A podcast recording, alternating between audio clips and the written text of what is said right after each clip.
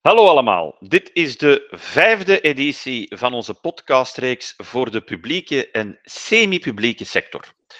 Vandaag gaan we het opnieuw over fiscaliteit hebben, meer bepaald over lokale belastingen. Wat zijn de opportuniteiten en bedreigingen voor de gemeentelijke fiscaliteit? Heeft de coronacrisis een invloed gehad op de lokale belastingen? Het zijn allemaal vragen waarop uh, Veronique de Brabander, advocate bij PwC Legal en gastdocenten lokale en regionale belastingen aan de Universiteit van Gent, een antwoord zal bieden. Veronique zal ons gidsen doorheen het labyrint van de gemeentelijke fiscaliteit. En om meteen met de deur in huis te vallen, Veronique. Het voorbije coronajaar kende vele uitdagingen hoe heeft zich dat precies laten gevoelen op het vlak van de gemeentelijke fiscaliteit? Ja, uiteraard, uh, Tim, heeft uh, de coronacrisis een impact gehad op de gemeentelijke fiscaliteit. Uh, de tijdelijke werkloosheid die is ontstaan als gevolg van de COVID-maatregelen, die hebben een daling van de aanvullende gemeentebelasting op de personenbelasting bewerkstelligd, wat dus een impact heeft op de inkomsten van de lokale besturen. En daarbij komt nog eens dat de vele lokale lokale besturen ook hun steentje hebben bijgedragen bij het ondersteunen van de lokale handel en horeca. Uh, soms uh, hebben zij dit gedaan door bepaalde belastingen, al dan niet tijdelijk, niet te heffen. Hè, bijvoorbeeld voor bedrijven die dienden te sluiten, uh, ofwel door tijdelijke opschorting van betaling toe te staan. Dus de lokale besturen zullen dan ook moeten zorgen voor andere financieringsbronnen. En in die zoektocht naar die andere financieringsbronnen, zie jij dan in de praktijk eh, nieuwe trends, nieuwe belastingen die ontstaan, Veronique? Wel ja, reeds uh, voor de coronacrisis uh, waren die nieuwe trends uh, al aanwezig.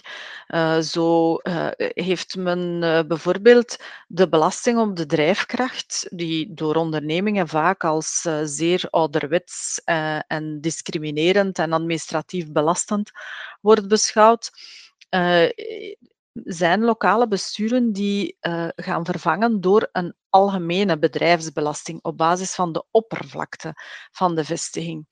Uh, daardoor wordt, de, wordt, dat soort belastingen evenrediger uh, gespreid en dat wordt als rechtvaardiger ehm, waargenomen. En om te vermijden dat de last, de, de financiële last, volledig op lokale bedrijven wordt gelegd, uh, wordt er door uh, lokale besturen ook wel vaak teruggegrepen naar belastingen op masten en pilonen, die dan ten laste komen van de grote telecomoperatoren in plaats van de lokale economie te treffen. Uh, maar vaak zijn gemeenten ook zelfs creatiever en worden er nieuwe soorten belastingen in het leven geroepen, zoals bijvoorbeeld belastingen op elektriciteitsgebruik of uh, ook belastingen op technologie, hè, waardoor een, een ander soort bedrijven in het vizier komt. Uh, bedrijven die minder uh, door de coronacrisis werden getroffen.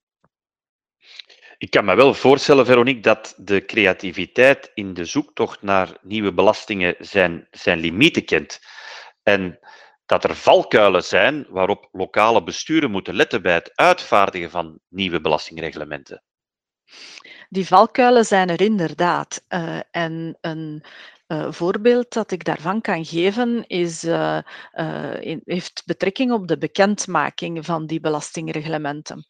Nu, hoewel de ouderwetse publicatiemethode van aanplakking van gemeentereglementen al een aantal jaar geleden werd vervangen door de bekendmaking op de website, zien we toch vaak dat lokale besturen nog slordig omspringen met de formele bekendmakingsvereisten die worden opgelegd door het decreet lokaal bestuur. Maar dergelijke slordigheden die kunnen wel verstrekkende gevolgen hebben, want een onregelmatige bekendmaking leidt er gewoonweg toe dat uh, die belastingreglementen niet afdwingbaar zijn ten aanzien van de burgers, waardoor de lokale besturen belangrijke belastingbedragen kunnen mislopen. En een uh, gelijkaardig knelpunt is ook dat uh, lokale besturen zich ook tijdig moeten vergewissen uh, van de hernieuwing van belastingreglementen. Want belastingreglementen die zijn immers maar voor een beperkte duur geldig. En men ziet dan vaak dat de hernieuwing te laat wordt beslist door de lokale besturen, wat men dan probeert op te vangen in het, in het reglement door een retroactieve werking te voorzien. Maar als de burgers uh, zich tot de rechtbanken wenden, dan uh, wordt dergelijke retroactiviteit vaak wel afgestraft uh, door de rechtspraak. Je maakt er al allusie op, Veronique, dat inderdaad die lokale belastingen het voorwerp kunnen uitmaken van geschillen voor de rechtbank. Wat zijn daar de belangrijkste aandachtspunten voor lokale besturen om dat te vermijden? Als men kijkt welk soort geschillen er voor de rechtbanken belanden, dan ziet men dat de meeste principiële geschillen uh, in zaken gemeentebelasting te maken hebben met discriminatie. Dus bij het invoeren van lokale belastingen uh, zouden de lokale besturen er beter moeten overwaken dat ze de differentiatie die ze voorzien in die reglementen, in die belastingreglementen, uh, zowel wat het toepassingsgebied uh, ervan betreft, als wat betreft de, de vrijstellingen die worden voorzien, als ook de tarifering, de differentiaties die daarin worden voorzien, dat die zeer goed worden onderbouwd en gemotiveerd uh, in de aanhef van uh, die gemeentereglementen. En heb jij los daarvan, Veronique, nog tips voor lokale besturen om hun belastingen te vereenvoudigen? Ja, zeker. Uh, zo uh, voorziet het decreet van 18 eh, mei 2018 uh, eh, van de Vlaamse overheid dat steden en gemeenten in het Vlaams gewest hun opcentiemen op de onroerende voorheffing kunnen differentiëren. En dit geeft een interessante hefboom, mijn zinziens, voor lokale besturen om hun beleid te voeren door bijvoorbeeld via uh, die differentiatie bepaalde stimulansen in te bouwen of anderzijds ook gewoon om hun inkomsten te verhogen. En we zien in de praktijk dat een aantal gemeenten uh, reeds gebruik hebben gemaakt van deze mogelijkheid. Uh, de vervanging van bepaalde belastingen door dergelijke differentiatie van uh, opcentiemen op onroerende voorheffing kan daarboven voor de gemeente ook een belangrijke vereenvoudiging en vermindering van administratieve lasten betekenen. Want voor die differentiatie, wel, daarvoor hoeven zij geen verzending en verwerking van aangiften te voorzien en ook de inning ervan valt namelijk weg. Er komt heel wat bij kijken bij die uh, lokale fiscaliteit, Veronique. Het is een complex gegeven. Hoe zouden wij lokale besturen daarin kunnen bijstaan? Wij staan uh, lokale besturen uh, bij uh, op verschillende vlakken. Um, en ten eerste kunnen we kijken met hen welke belastingreglementen er verouderd zijn of aan vernieuwing toe zijn. En we kunnen nagaan met de lokale besturen welke nieuwe mogelijkheden er uh, zich aandienen om belastingreglementen te vernieuwen.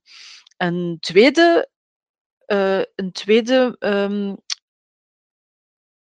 mogelijkheid is dat wij de bestaande belastingen, belastingreglementen screenen met het oog op het uh, voorstellen van aanpassingen om juridische disputen te vermijden.